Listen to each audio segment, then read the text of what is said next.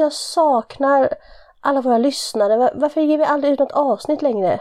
Ja, det har ju blivit lite försenat bara. Alltså de bara gråter och skriver till mig och undrar var vi är någonstans och jag bara... Jag vet inte, det är Martins fel säger jag. Ja, det kanske är mitt fel. Men nu kör vi. Men det är alltid ditt fel. Nu gör vi comeback.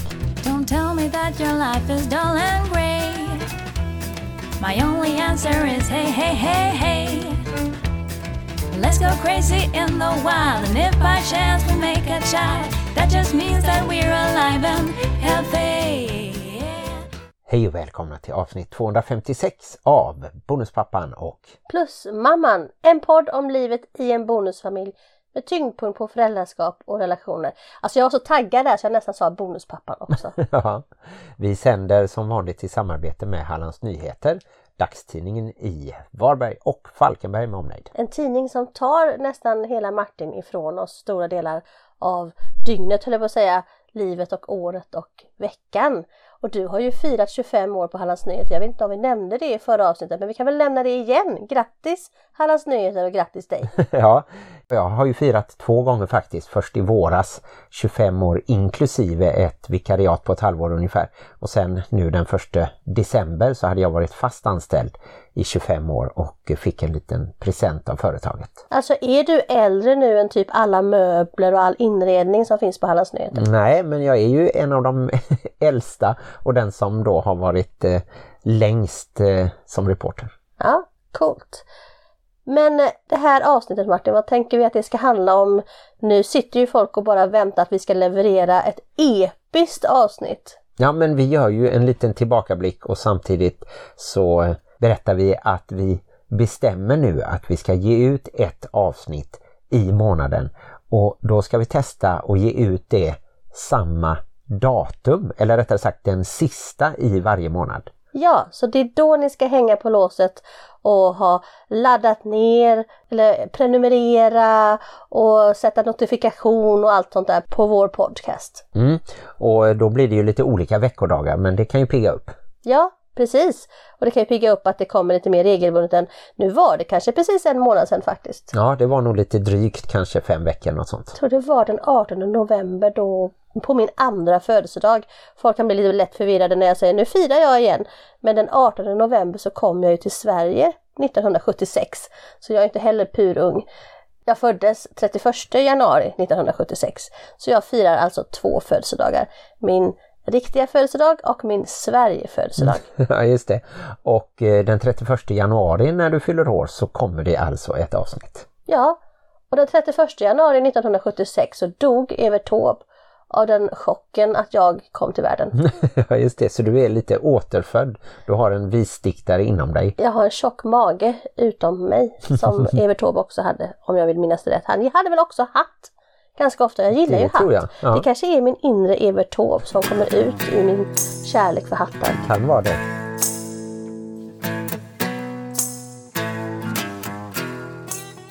Men om vi tittar tillbaka, vad är de stora händelserna i år i våran bonusfamilj och hur har det påverkat oss? Ja, om jag ska bara lita på mitt minne så är ju de stora händelserna det att Amanda, min brors dotter, gifte sig. Att ett av våra barn tog studenten. Att ett av våra barn flyttade hemifrån och sen flyttade en gång till och sen kommer flytta en gång till det här året. Lite ofrivilligt den sista flytten. Och sen så kan jag ju minnas en del sorgliga saker, att vi har haft vänner som vi har lite fått säga hej då till. Men också glada saker som att vi har vänner som vi har umgåtts lite mer med det här året. Plus att, jag vet inte om vi ska avslöja det, men det har ju hänt härliga saker på familjefronten när det gäller kärlek. Ja, just det. Martin har skaffat sig en ny fru. Nej, men eh, det kommer ju säkert att spridas snart eh, att det finns eh, kärlek i släkten. Och eh, på då minussidan så har vi ju fått eh, ta farväl av min mamma. Så det har alltså varit både bröllop och begravning detta året. Och dop har jag också haft. Ja, det är ju min brors barnbarn, min brorsdotter Kerstins dotter Bianca som eh, har blivit döpt. Yes! Det är lite som 2016, det där första året som vi hade. Vi träffades ju i december 2015 så att vårt första år tillsammans innehöll ju också en hel del av både dop, begravningar rättegångar och allmänt eh, kaos men också allmänt jubel. Det var ett härligt år och jag tycker nästan att 2022 har varit lite i den stilen. Det finns en del likheter och det finns en del personer som eh, har återkommit och ställt till det lite för oss som vi inte ska nämna med namn men det är ju sånt som eh, påverkar oss och barnen. Och hela bonusfamiljen såklart och systemet runt bonusfamiljen framförallt. En bonusfamilj är ju så mycket mer än bara du och jag och barnen utan det är ju barnens andra pappor och barnens andra syskon och sånt som finns runt omkring. Så att när man gör någonting mot en person i en bonusfamilj så gör man ju det mot en hel hord av människor kan man säga. Mm. Och där är det ju viktigt eh, att vi har utgångspunkten att vi litar på de vuxna som finns runt om. Och till exempel har ju våran minsting då en väldigt bra lärare som håller bra koll och vi har jättefin kommunikation om det skulle hända någonting i skolan. Och sen så finns det då andra vuxna och där har det blivit situationer där vi tycker att de då har svikit sitt vuxenansvar och det är väl inte bara vi som tycker det utan även kan man säga det juridiska systemet som tycker att de har svikit. Och det blir ju att vi får hantera det lite då trots att vi inte har varit inblandade. Ja, och där skulle jag vilja inflika en sak för er andra som kanske också kommer i liknande situationer. Vi har ju fått en del brev brev säger jag alltid, men meddelanden om just när man hamnar i de situationerna där man får på något sätt städa upp efter andra människor, hur tungt och jobbigt det kan vara. Och då vill jag bara så skicka kärlek, styrka och det kommer att komma sen senare att ni fanns där när det var jobbigt i ett barns liv. Så fanns ni där som en stabil punkt ändå, även om man kanske då får i stunden får vara den som får ta all liksom, smärta och sorg och kanske ilska från barnet och det kan kännas väldigt orättvist att egentligen så borde det vara andra människor som det här barnet var arg på. Så tänker jag, stå fast, jag finns med er för jag vet hur det känns. Så det kommer att bli fint på andra sidan och man kan alltid skörda bra frukt från att ha varit en bra och stabil vuxen person i barns liv. Mm. Om vi då går in på några händelser lite mer och ser hur det har påverkat oss så kan vi ju faktiskt börja med de mörka händelserna och sen röra oss mot det positiva och ljusa och även kanske nämna några av våra häftiga resor som vi har gjort. Men till exempel då min mammas bortgång var ju på ett sätt väntad eftersom hon hade ALS. Det har varit mycket skriverier om ALS både efter Björn Natthikos bortgång då som var självvald och hade så att säga läkarassistans och sen Börje Salmings bortgång också i ALS. Hur upplevde du det? För det blir ju svårt när vi är på en begravning där många känner min mamma sen gammalt och på ett sätt då känner henne bättre än hennes bonusbarn eftersom sjukdomen i princip hade börjat lite när vi väl lärde känna varandra. Mm. Jag kan ju nämna begravningen då, då hade vi ju alla våra fyra barn plus vårt plusbarn, mitt bonusbarn sedan tidigare med oss. Det jag kan tycka var fint var att vi ändå liksom sitter längst fram i kyrkan, precis som vi skulle gjort ifall vi hade varit din ursprungsfamilj, att det hade varit dina barn.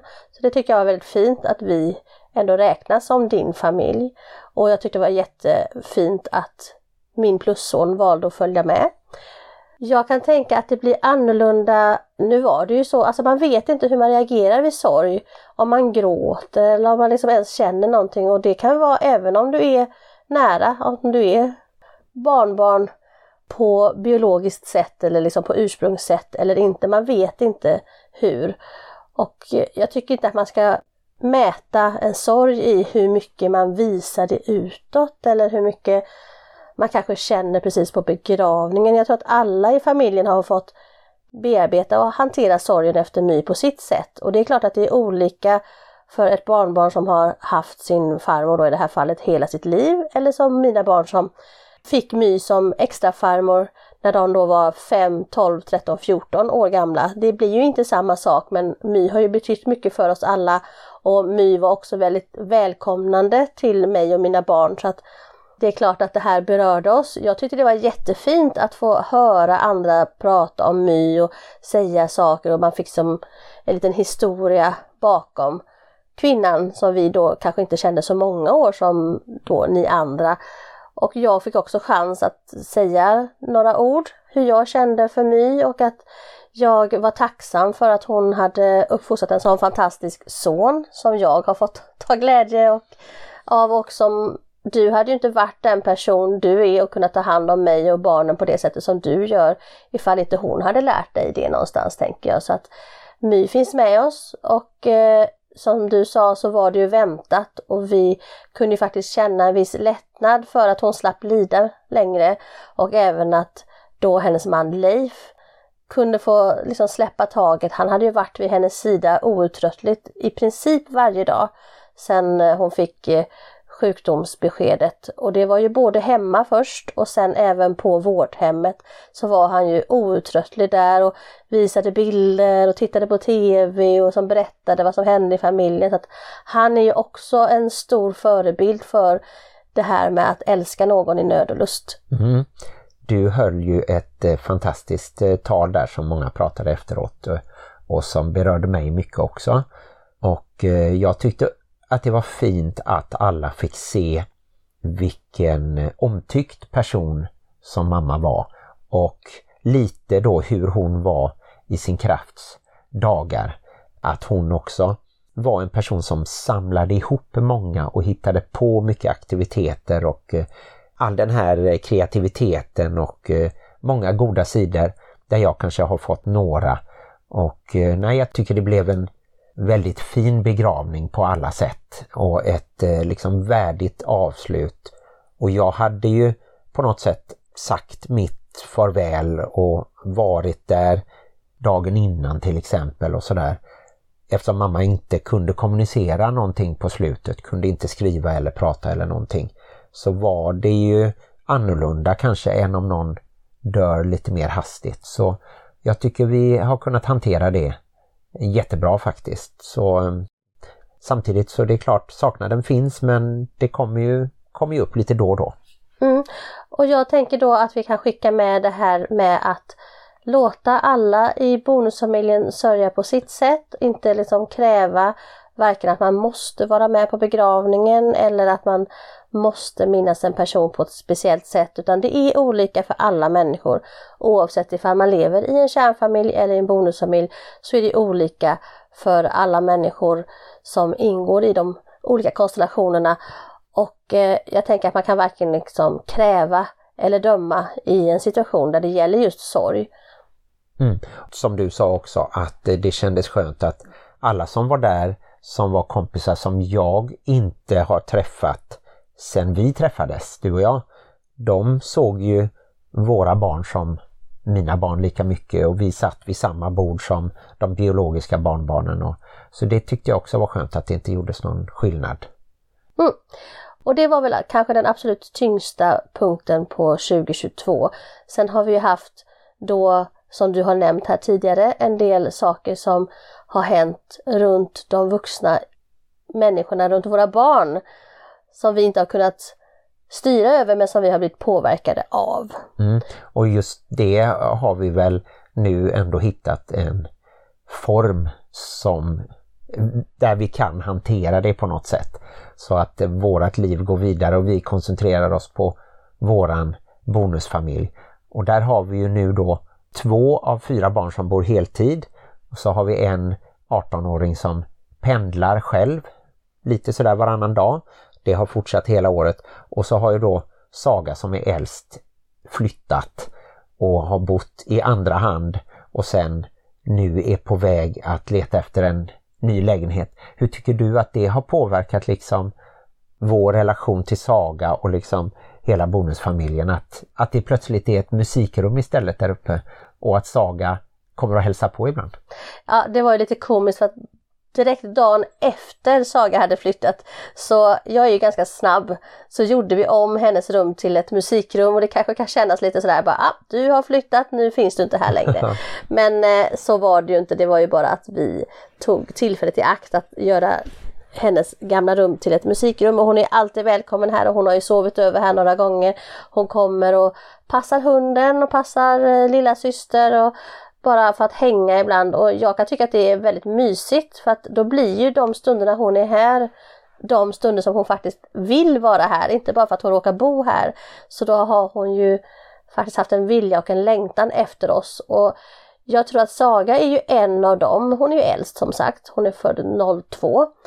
Hon är ju faktiskt en av dem som verkligen ser hela vår familj, hela vår bonusfamilj som sin familj. Hon säger ju sina päron om dig och mig och sin pappa. Hon ser det ju som att hon har tre föräldrar. Och eh, så var det ju även när hon flyttade så var vi ju liksom en liten armada av folk som kunde hjälpa henne. Det var ju både biologiska pappan och du och några vänner till oss och så min bror och ja, lite sådär. Din bror bor ju lite längre bort och han hade ju tänkt komma och hjälpa till att flytta men fick tyvärr jätteont i ryggen stackarn. Så att det känns som att i sådana här stunder så samlas liksom hela bonusfamiljs nätet och bär våra barn framåt. Det tycker jag är mysigt och det såg vi också runt studenten när vår son Lycke då tog studenten och då var det ju både dina släktingar och mina släktingar och farfar och pappa på Sagas sida som kom på Sagas sida. Farfar och pappa på Lyckes sida som kom och firade och jag gillar ju det, jag gillar när man eh, kommer samman över gränserna om man kan säga så. Mm, då var det ju specialfarfar som min pappa kallas och biologiska farfar Nils-Erik fick ju träffa varandra till exempel. Och morfar! Det var ju ganska roligt egentligen. Mormor och morfar, alltså min mamma och pappa fick ju då träffa Nils-Erik som är mina barns farfar. De har ju känt varandra för länge sedan när jag var gift med Anders. Så det var lite roligt att de på något sätt också fick återförenas. Mm. Vi eh, har ju som tur var dina föräldrar nära oss även om de nu har blivit glömska. Och säga, de är långt borta från oss i sinnet ja, men nära i köttet. Mm. Så de tar vi hand om, de ingår också. Men precis som du säger, jag tycker att det har blivit något annat då när Saga kommer hit och är mer fristående eller självgående och mer en vuxen som uppskattar att komma hit och bli bjuden på mat ibland till exempel eller så. Så jag tycker att eh, hon är jätteduktig som jobbar på på ICA till exempel och, och klarar allting själv. Och har nu då träffat en Amadeus. Det är väl ingen hemlighet. Mamma Dus som vi kallar honom. ja just det. Och han ska nu snart få träffa bonuskusinerna då kan vi kalla dem. Min bror och hans familj. Mm. Och eh, flickvänner och pojkvänner har det ju funnits, jag menar Bella har väl funnits i över ett år, Lyckes flickvän. Ja. Och eh, jag vet inte, Kevin har väl inte fått någon flickvän än, han har haft tror jag. Men jag tror inte han har någon just nu. Nej, han Nej. är inte här lika ofta. Han träffar ju Lycke när de tränar ihop till exempel. Och så är han ibland med här då, eller som nu när vi ska ha lite extra julafton med min sida av släkten. Mm, det ska bli kul och vi ska ju också välkomna en person till i släkten som jag då tyvärr inte får liksom outa här i podden men jag tycker ändå jag kan hinta väldigt starkt om det. Att jag har eh, lyckats sammanfoga två personer som jag älskar väldigt mycket båda två så jag tycker att de kommer passa ihop väldigt bra. Precis, mer än så behöver vi inte säga om det. Sen några andra större händelser. Du nämnde ju då, ska vi säga det första bröllopet i den yngre generationen. Min brorsdotter Kerstin var först att bli mamma och sen kom då Amanda, din brorsdotter, snäppet efter. Men de gifte sig först, Amanda och Tobias då. Fast de gifte sig inte före de fick barn. Nej, det var väl meningen egentligen att de skulle gifta sig men så kom ju den här pandemin emellan så de fick faktiskt flytta fram bröllopet två år. Ja, det var jättetråkigt faktiskt för de hade ju planerat det två år tidigare och var ute i god tid precis som du och jag och räknade ner och sen kom pandemin och ställde till det. Men i maj i år så blev det ett fantastiskt fint bröllop med allt som ingår. Vita klänningar och tårtor och kalas och fest. Och du spelade trummor tillsammans med min bror och jag tror aldrig min bror har spelat trumma i hela sitt liv så det var väldigt komiskt. Det var ett litet bus där eftersom eh, Amandas man Tobias är trummis och eh, då hade jag med lite trummor och så gjorde vi ett eh, helt improviserat uppträdande som de fick hänga med så gott de kunde så att säga. Jag tycker det är roligt att du tar plats i min släkt. Det som är skillnad, alltså du är ju inte mer eller mindre släkt än någon annan man jag skulle kunna ha. Det som är skillnaden då eftersom du kom in senare är ju att min släkt tidigare har haft liksom relation med mina tidigare ex kan man säga, alltså barnens pappor har de ju haft tidigare. Men jag tycker att du går in och tar din plats och sätter din prägel på ditt föräldraskap och makeskap i vårt liv så att du har eh, lika naturlig plats i eh, min släkt som mina andra någonsin har haft. Och jag har ju alltid känt mig väldigt välkommen och eh, jag har aldrig känt att jag har blivit jämförd med de biologiska papporna utan jag tycker nog att eh, både din bror eh, Håkan och min svägerska Eva och dina föräldrar och så verkligen har eh, öppnat famnen och, och släppt in mig och sett mig som en egen person med, med mina fel och brister och mina goda sidor där jag kan hjälpa till kanske och ha egenskaper som de biologiska papporna kanske inte hade. Och jag är jätteglad till exempel att jag kan hjälpa till om det händer någonting på ålderdomshemmet när din mamma behöver ta en spruta till exempel, då funkar det jättebra att jag åker dit och sitter och pratar lite och sådär. Mm.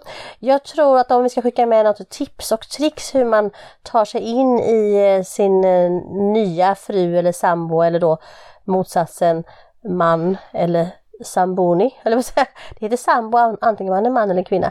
Ja, då är det väl det här att du faktiskt du tar din egen plats. Det är inte så att du behöver trycka ner någon annan eller känna dig då varken mindre eller för mer än någon annan.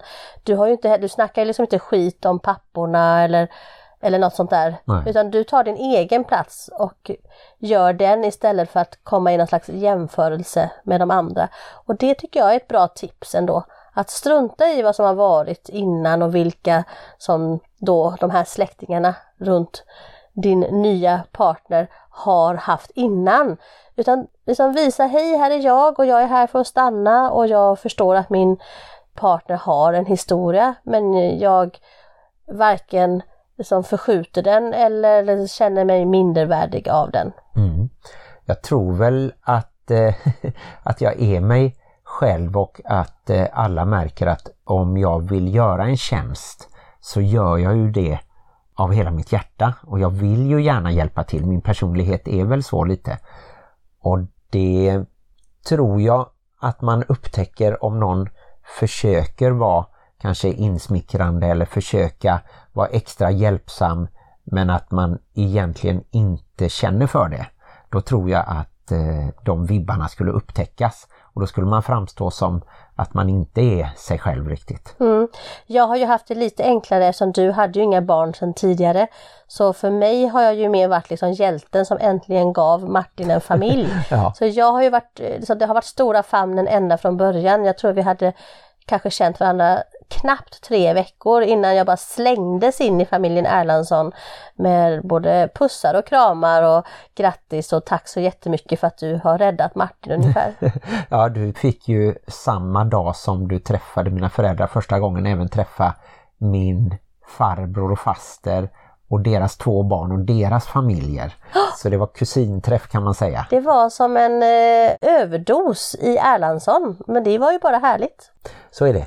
Har vi något annat som har påverkat? Vi skulle ju kunna nämna igen resan till Paris. Vill man veta mer om den så har vi ju gjort ett helt avsnitt och det var nämligen förra avsnittet. Men där fick vi ju ändå testa lite hur det är eftersom vi hade med en kompis till Helle som då blev en del av våran familj just den veckan. Ja, och den kompisen är ju lite en del av våran familj kan man säga. För det är en kompis som är här ganska ofta och sover över och har blivit en del av inte bara vår familj utan även vår vänskapskrets eh, har ju haft med henne i, i sina tankar och eh, kärlek. Vi träffades ju i somras en vecka i Småland också Aj. tillsammans med våra vänner och den här kompisen då så att det har varit väldigt roligt. Det har varit ett år med mycket vänner faktiskt tycker jag. Mycket sammankomster. Vi har haft mycket roligt. Både stora fester här hemma och så även de här små spännande resorna och umgänget vi har haft utanför hemmet. Ja, Smålandshelgen var väl nästan rekord i antal personer som var i eh, huset och de små stugorna och i två tält också. Ja, 17 personer och två hundar var vi.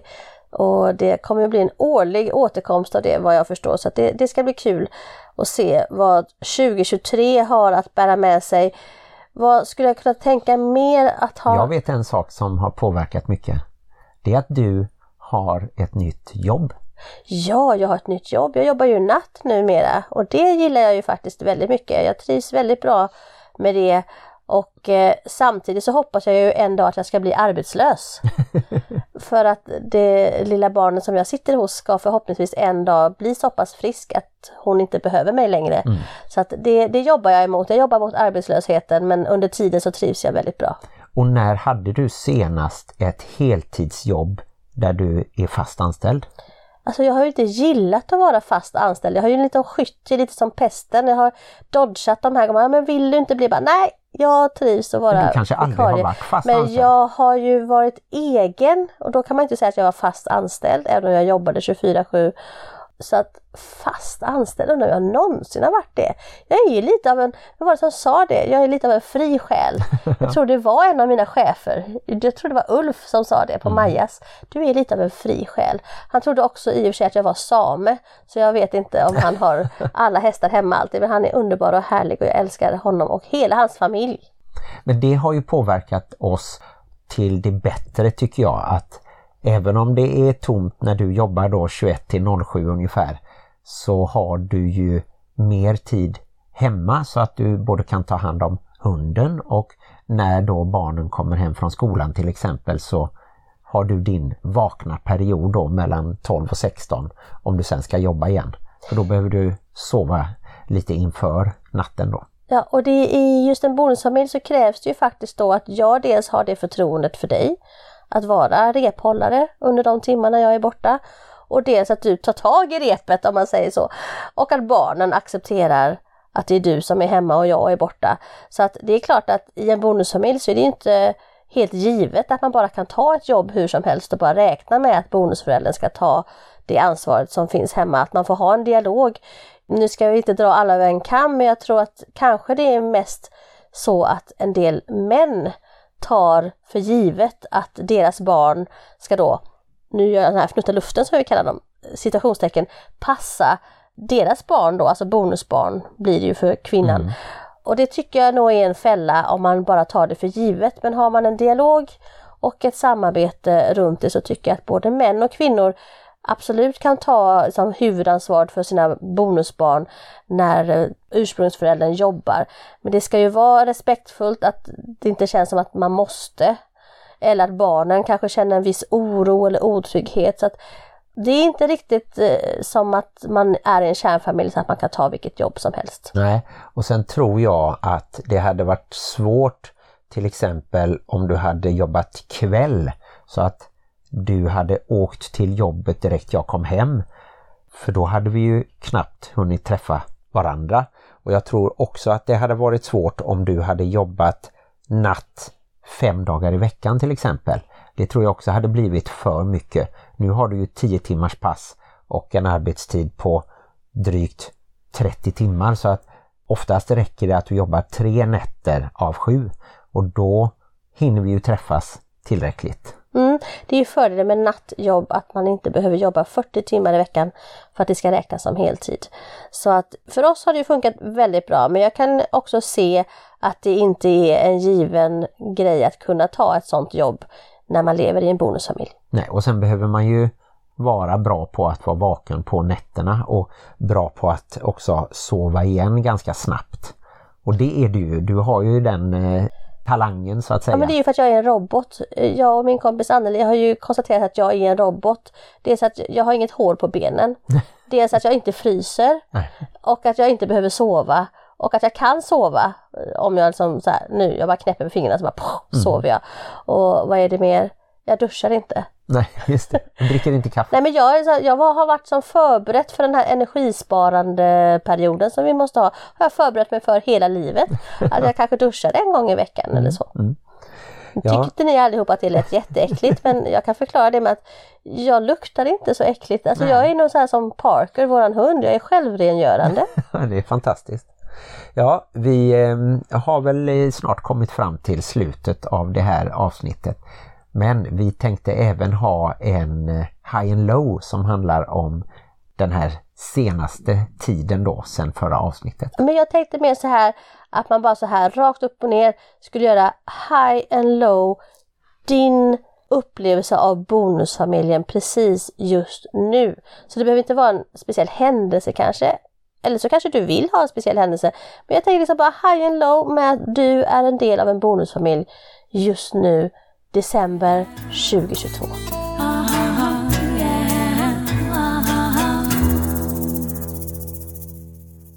Då kan jag börja och säga att eh, det som jag upplever som en haj just nu, det är nog att jag ofta får känslan av att barnen inte bara accepterar mig utan liksom uppskattar att jag finns på något sätt.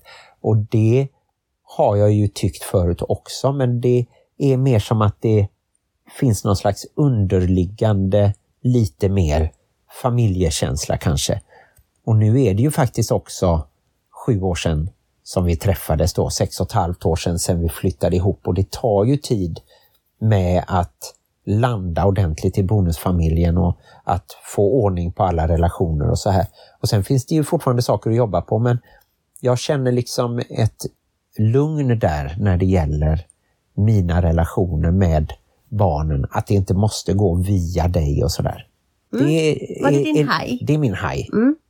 Vill du att jag tar min low direkt så kan jag ju säga att just nu så är det ju de här jobbiga momenten där jag helt frivilligt avlastar dig lite i kommunikationen med vissa personer runt barnen som helt utan vår inblandning har gjort dumma saker som gör att vi inte kan ha samma typ av relation som vi hade tidigare då. Och eh, jag vill gärna ta det ansvaret och jag vet att du mår bra av att ta ett steg tillbaka där lite och kanske inte tänka på det hela tiden. Men det eh, kostar ju även lite kraft för mig då. Det är inte gjort med vänsterhanden sådär bara utan jag... Gjort med Försök. vänsterhanden, var det för ett spännande uttryck? Har du aldrig hört det? Nej, alltså jag vet ju vad vi herrar gör med högerhanden men det här med vänsterhanden har jag nog aldrig hört. Nej, nej men man säger så. Okej. Alltså jag, det är ingenting som jag bara slarvar igenom sådär. men om man är utan, vänsterhänt då? Ja, då är det synd. Då gör man ju det med vänster. Ja, I alla fall så jag upplever att det är lite jobbigt men samtidigt så skulle jag ju inte vilja bara släppa det och lasta över det på dig bara för att du är den biologiska mamman. Så Det känns ändå bra att jag får vara delaktig och att du litar på mig att jag liksom sköter det som är lite kommunikation och lite pappersarbete så att säga. Undrar om hela den där sektionen bara lät så här för våra lyssnare. Bladi, bladi, bladi, bladi, bladi, bladi. För att de vet inte vad du pratar om. Och samtidigt så pratar du lite i gåtor. Men det, så kan det vara ibland. Den lilla gåtan om vad Martin menar är i alla fall Martins low. Och eh, jag tycker att du gör din low very high. Du, tack, jag är tacksam för att du tar den kommunikationen med idioterna i vårt liv så jag slipper. Mm. Men vad är min high and low i bonusfamiljslivet precis just nu? Och jag kan väl, som du brukar säga, jag kan väl skriva under på det du sa att jag tycker att vi har landat. Och det tog ju sju år, precis som Moa Herngren sa. Ni har väl sett hennes senaste film, då bonus, Länge lever bonusfamiljen, heter Ja. den. Och ehm, Du var ju inte med när Alltså jag såg... var med in essence. Jag tror säkert att man kanske såg en armbåge eller någonting. Jag ska kolla lite noggrannare nästa gång jag ser den. För det var ju eh, första scenen och jag hann liksom inte reagera. Jag tror till och med jag tittade ner när den scenen kom. I den här second hand-butiken Ja, eller så precis. Mm. Men nu stör du mig i min Ja, här. förlåt. så jag går tillbaka nu till min high. Att vi faktiskt har tagit oss igenom de här sju åren. Kanske mycket tack vare att vi har bearbetat det via vår podcast. Mm. Vi har fått prata om det, vi har fått prata med andra om det. Vi har läst andras bekymmer, vi har försökt att reflektera över deras highs and lows och eh, hjälps åt på många sätt. Så att jag tror att det här med att skapa en bonusfamilj är mycket att våga prata om saker och våga vända och vrida på det och våga inse att det finns ingenting som är exakt svart och exakt vitt utan det finns väldigt mycket gråzon. Så att min haj är att i din och min bonusfamilj så har vi ändå satt vår prägel att det här är vår familj. Vi har mycket människor runt omkring oss, men vi ställer upp för varandra och när det verkligen gäller så gör vi det. Jag märker ju att syskonen ställer upp för varandra, både då de som är halvsyskon som det heter då rent tekniskt sett och även då Kevin som är min bonusson sedan tidigare att vi alla ställer upp runt honom när det gäller också. Och att han känner att han fortfarande vill vara en del av oss genom att han säger att jajamän, jag följer gärna med eller jag kommer gärna då när han blir bjuden och så. Och att han, på, hoppas jag i alla fall, känner vår kärlek även om han inte är med i familjen rent på en vardaglig basis på samma sätt som han var förr då.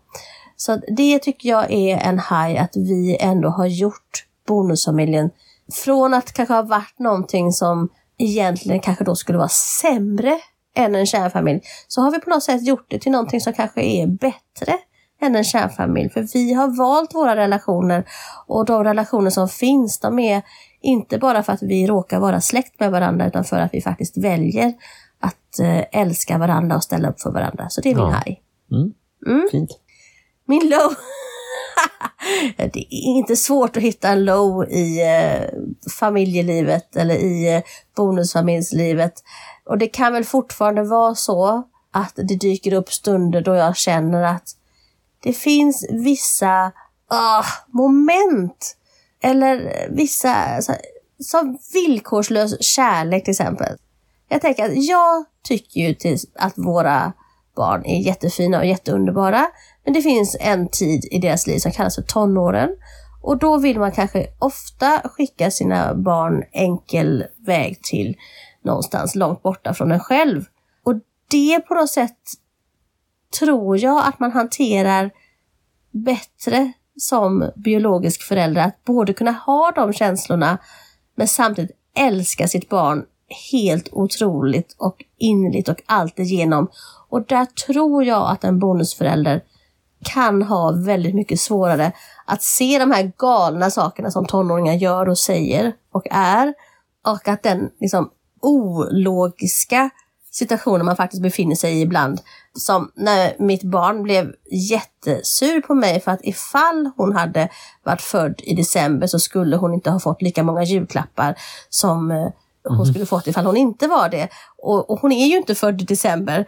Så där stod jag och försvarade. Var- Det är klart att du skulle ha fått lika många julklappar ifall du var född i december. Sådana så här små ologiska situationer kan man ju befinna sig i med sin tonåring. Eller som när vi hade varit på bio två gånger på mindre än två veckor och hon ville se den filmen en gång till och jag sa nej och så fick jag höra att jag var världens sämsta mamma. Och sådana saker.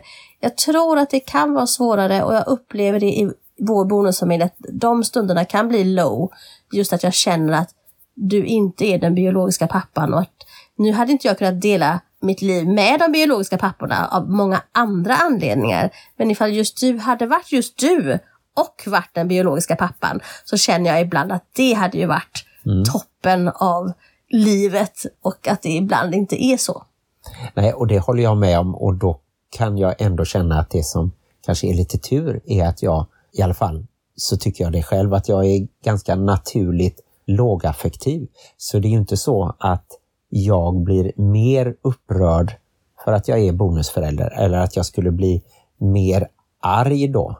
Utan jag tror att jag reagerar mindre men att jag då också visar mindre förlåtelse kanske eller att jag blir besviken på småsaker.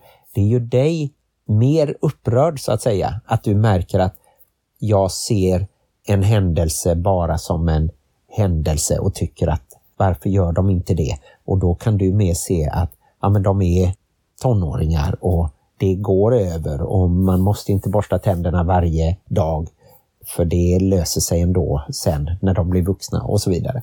Ja, men jag tror att en bonusförälder är väldigt mycket, så här ska det vara. Och så är det inte så. Så är det liksom fel. Medan en ursprungsförälder kanske är mer, alltså ja men nu är det inte så just nu. Men på det stora hela så kommer de att överleva. Och det handlar ju om allt från det här med, alltså om vi då ska blanda in alla andra influenser vi får och hör, så är det ju oftast att bonusföräldrar kan bli frustrerade över ja, men varför sover de inte som de ska, varför äter de inte som de ska, varför beter de sig inte som de ska. Och att det blir en väldigt stor grej i en bonusförälders liv. Medan i en ursprungsförälders liv så är man med, ja, men barn är sådana, mina barn är sådana. Det är inte det att vi är slappare, det är det att vi kanske inte måste springa på varje boll om man säger så. Mm. mm. Nej, och jag får ju jobba så att säga med min eh, gubbsurhet då. Att jag ska inte bli en eh, gubbe som går omkring och muttrar över att eh, ja, de lovade att göra det eller nu har de inte gjort det. Eller och sådär. disken och handdukarna ja, allt möjligt, och allt vad det är. Men jag tänker ändå att valet då, om jag försöker förmildra det här lite, så blir jag ju aldrig arg så att jag skulle höja rösten eller på något sätt skrämma barnen eller så. Utan det stannar vid att jag kanske säger någonting till dig att aha, nu är det så igen eller så. Men eh, absolut, jag kan bli bättre på det och du kanske också kan acceptera då att vi har ett annat förhållande till barnen och jag har inga andra barn som jag älskar så mycket som mina bonusbarn. Så är det ju, det vet du ju också. Ja, och jag kan ju tycka att i det fallet så kan jag vara så här fundersam över hur kommer det sig att man inte ändå når upp till den nivån av villkorslös kärlek till ett barn just på grund av att de då har andra föräldrar. För det borde egentligen inte påverka den känslan man har för själva barnet. Men det skulle man ju kunna göra en hel doktorsavhandling av, tänker jag. Jag är ju adopterad. Jag upplever i alla fall att mina föräldrar älskar mig lika mycket som jag älskar mina barn. Att det har inte liksom varit emellan oss på det sättet. Och det kanske inte alltid stämmer i alla adoptioner, men just i min adoption så har jag aldrig känt mindre kärlek från mina föräldrar på grund av att de inte är mina biologiska föräldrar. Därför har jag i många situationer, även i min förra bonusfamilj, haft lite svårt för det här att eh, man inte kan ta, ta in ett barn och älska det liksom fullt ut. Mycket på grund av att den har andra föräldrar, vad jag förstår. Om jag ska tolka min förra partner och dig just att det inte känns som ert barn fullt ut för att de har en annan pappa. Eller i vissa fall en annan ja, mamma. men jag tror också att det betyder väldigt mycket när man kommer in i ett barns liv. Det har vi ju diskuterat också i tidigare avsnitt att det är väldigt stor skillnad. Saga var 14 när du och jag blev ihop. Hon har ju levt en stor del av sitt liv. Hon har till och med haft en slags bonuspappa innan mig.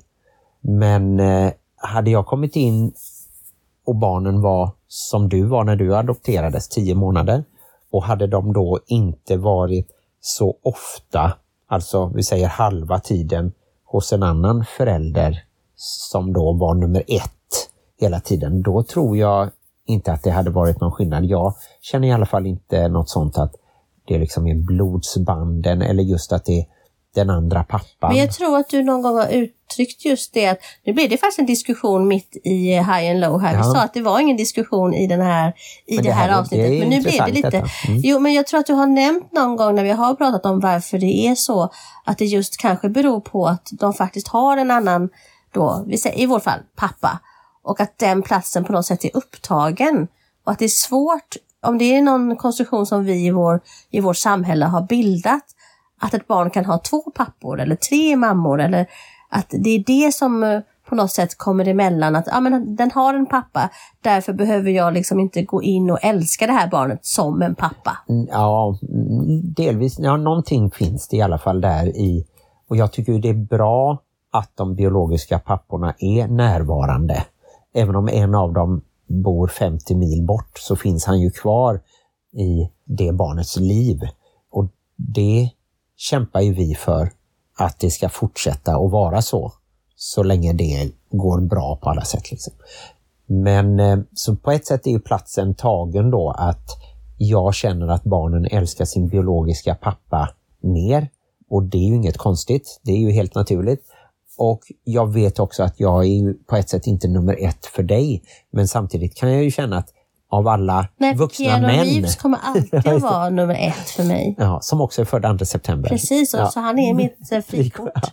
I alla fall, så där är det ju annorlunda. Jag känner ju att av alla vuxna män så älskar du mig mest på ett speciellt sätt så som vuxna på ett gör. speciellt sätt? Så som vi redan du kan ju älska din pappa och din Ja. brorsa också. Men, Ja, precis. Och de är också vuxna. Jag tror att du kommer ja. någonstans där på femte, sjätte platsen. Nej, men eh, detta är någonting som vi kan prata vidare om i andra avsnitt. Vi ska Ja, men jag ville ju nu. säga en men, sak mm, till och nu kommer jag helt av mig och det handlade ju just om det här med eh, att, jo, jag tänker att det lite handlar om det här med att om du har ett perfekt bonusbarn, ett bonusbarn som är artig och snäll och gör allting som de ska, då är det lättare för en bonusförälder att säga men åh, jag älskar mitt bonusbarn och, och det bonusbarn, ja, är, vi har sån fin relation och det är så mysigt. Men att ha då ett lite jobbigare bonusbarn som kanske har diagnoser, det glömde vi nämna att vi har ju fått diagnoser på en del av våra barn under det här året.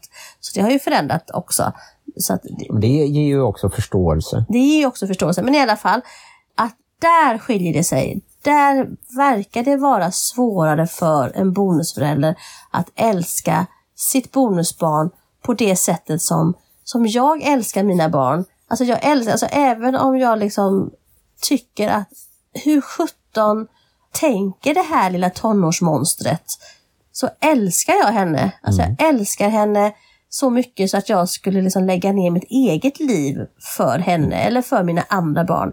Min lycka och min välgång och min bekvämlighet spelar ingen roll ifall jag kan ge lycka, bekvämlighet och kärlek till mina barn. Och där tänker jag det är en viss skillnad, för på något sätt så är ju ändå din lycka och din, ditt välstånd och ditt välmående viktigare för dig, vilket är helt naturligt som du säger, än kanske då dina bonusbarn. Alltså du kanske inte hade eh, huggit av en arm för ett av dina bonusbarn, men det hade ju jag. Mm. Det spännande är att, kommer jag just nu på, att det är en sån fantastisk konstruktion i evolutionen att föräldrarna och kanske framförallt mamman älskar sina barn så mycket. Annars så kanske mänskligheten inte hade kunnat Den hade fortleva. definitivt dött ut. Inga människor hade kommit förbi tonåren för då hade alla föräldrar dödat sina barn. Så egentligen så är det ju den kärleken som är det ovanliga och kärleken som vi alla känner på olika nivåer till andra släktingar och vänner eller partners. Det är ju den vanliga kärleken, så det är egentligen den ovanliga kärleken just mellan förälder och barn som är något magiskt som gör att vi lever vidare. Spännande att vi vände på det hela. Så att, så att här började jag med att säga att ni bonusföräldrar liksom Vi når inte upp till er, men det, lackar, det är vad heter det, ni har en brist. Mm. i eran kärlek. Men du vände på det till att vi har liksom en nivå högre som då kan nästan räknas som magi eller just Ja, det- evolutionens överlevnads Jag tror att det är inbyggt på något sätt eh, i även förstås andra däggdjur. Men då kommer vi ändå tillbaka, vi ska inte fortsätta här nu för då kan vi fortsätta för evigt. Men jag ska bara slänga in den här lilla brasklappen. Då kommer vi ändå tillbaka till hur kommer det sig att adoptivföräldrar då kan älska på samma sätt? Ja, men eh, där är du ju också förälder och barn på samma sätt som du är. Jag, jag menar inte att eh, blodsbanden har någonting, men den instinkten att ta hand om något som är faktiskt hjälplöst och behöver det här behovet.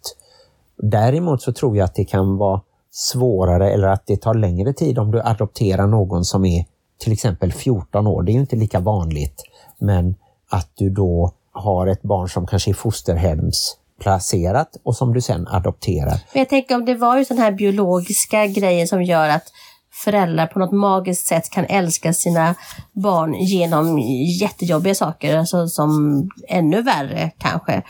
Hur det kommer sig. För jag menar, mina föräldrar älskade ju mig genom min jobbiga tonår, där jag var tonårsmonster. Jo, men jag tänker då att en ankmamma tar hand om en svanbebis att det funkar på samma sätt. Alltså här slängde du in en moders- H.C. Andersen-saga mitt i vår Ja, men det nu? tänkte jag att läsarna... Man ska inte slänga in sagor i bonusfamiljer för i alla sagor så är styvmamman den elaka, hemska personen. Ja, just det. Men i alla fall att den här instinkten då, att ta hand om något litet barn, att det är själva instinkten som på något sätt är nedärvd och har funnits med oss sedan alla tider och då fungerar det också som en slags adoption om man är tillräckligt liten då. Ja, din teori håller, men inte hela vägen. Men vi får fortsätta med detta en annan gång, för nu så har våran tid runnit ut och året har snart runnit ut. Så vi passar på att önska alla våra lyssnare ett riktigt gott nytt år. Och så hoppas jag att ni följer med oss på vår fortsatta resa, även om det inte blir varje vecka utan då en gång i månaden. Den sista i månaden kan ni få ett nytt avsnitt av Bonuspappan och Plusmamman och vi fortsätter att ha våra totalt ogenomtänkta diskussioner om allt som rör bonusfamiljslivet. Och vill ni också vara med och diskutera livet i bonusfamiljen så finns det en väldigt bra Facebookgrupp som heter Bonusfamiljernas diskussionsgrupp. Där är alla välkomna. Det är bara att ni ansöker om att bli medlemmar och ser vi att ni är en verklig person så släpper vi med glädje in er och då Alltså kommer ni... inga sådana här, jag är en enkeman från den USAska armén och Ja, eh, har bilder på mig själv i doktorskläder och eh, husdjur och fina barn. Nej. Då får ni inte vara med. Vi är ju snart 900 medlemmar och eh, det är en jättefin förstående ton och många bra idéer och tips och eh, det är en fortgående diskussion som vi också har nytta av. Och alldeles senast så kom det ett inlägg som vi eh, satt och pratade om en kväll när vi träffade en av våra kompisar. Så det eh, tycker jag att eh, vi kan rekommendera varmt. Ja, men just det här att man faktiskt kan vända och vrida på det. Det är inte så att det finns ett rätt svar utan det finns olika svar och jag tycker att än så länge så svarar alla i gruppen väldigt eh, respektfullt mot varandra även om vi inte tycker lika. Så att stor eloge alla som är med i gruppen och skriver i den. Ni är fantastiska. Och man kan även eh, lägga ut inlägg anonymt ifall man känner att eh, man inte vill eh, att det sprids kanske till eventuella partners eller eh, andra släktingar eller så. Så det går också bra. Sen kom jag just på att vi ska påminna om att idag den 29 december så är det bonusförälderns dag. Det ska inte bara finnas mors dag och fars dag utan vi eh, drog igång den här bonusförälderns dag eftersom 29 december var första gången jag träffade ett av mina bonusbarn. Precis! Så grattis alla härliga bonusföräldrar och eh, jag önskar er all lycka till. Ni kämpar på och sliter, ni är guld värda och var inte för hårda mot er själva de gångerna ni känner att ni vill slänga in påsen, säger man det? Jag slänger in påsen. Handduken. Handduken är det man slänger in. Utan då tycker jag att ni ska lyssna på våra avsnitt eller lyssna på de som skriver i Bonusfamiljernas diskussionsgrupp. Det finns hjälp för de flesta och där finns också en del experter. Inte vi då, för vi är inte experter, men jag vet att det finns en del som faktiskt jobbar med just bonusfamiljer så kan man få kontakt med dem också där i den gruppen. Ha ett gott slut på 2022 och ett gott nytt 2023. Glöm inte att livet i bonusfamiljen kan vara besvärligt. Men också härligt! Hej då! Alltså varje gång vi har gjort ett avsnitt så tänker jag, sa vi något vettigt? Och jag tänker varje gång, nu är jag hungrig. Ja, det, så är det. Kvinnor tänker på tankar som är viktiga och män tänker på mat. Mm. Det är härligt. Ingen generalisering överhuvudtaget.